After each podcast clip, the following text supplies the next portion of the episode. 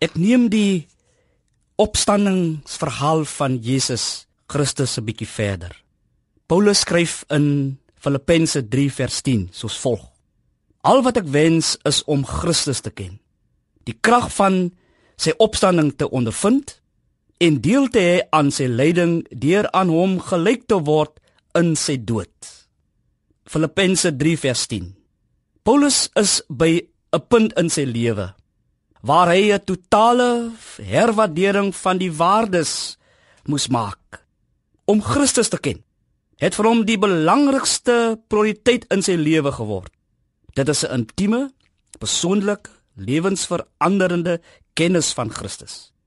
Die lewende krag wat hy ontvang het van die opgestane Christus maak die norme in sy lewe. En wat is tans die situasie in u eie lewe? Is daar die hartstog, die voortdurende verlange om hom beter te ken? Of het jy 'n geruime tyd gelede reeds aangekom? Die evangelie as geboorte van die nuwe lewe maak 'n nuwe seisoen vir ons lewens bekend.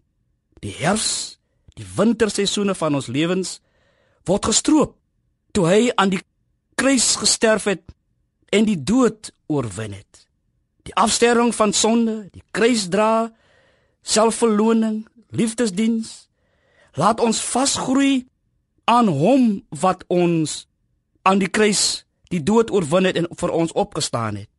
En nou kom Paulus en hy skryf in die volgende hoofstuk in hoofstuk 4 as hy sê vers 1: "Julle moet vas staan en getrou bly aan die Here. Ons moet ons deur ons voetspore en deur ons optrede moet ons 'n uh, getuienis lewer van die opgestaande Here. My lewenstyl moet getuig dat Christus Jesus die wins en die bate vir my lewe is. Dat hy die winspunt in my lewe is en moet wees. Wie die ervaring van God se genade, God se betrokkenheid by ons lewens erken en bely, is hy wat met nuwe oë na die uitdagings, na die krisisse van die lewe kyk. En Paulus wil saam met Matteus stem as hy sê ons in hierdie wêreld is die sout vir die aarde en lig vir hierdie wêreld. Ons moet ons lig so laat skyn dat Christus Jesus in ons lewens geken moet word. Al wat ek wens is om Christus Jesus te ken, die opgestaande Here, en ek moet daarvan getuig.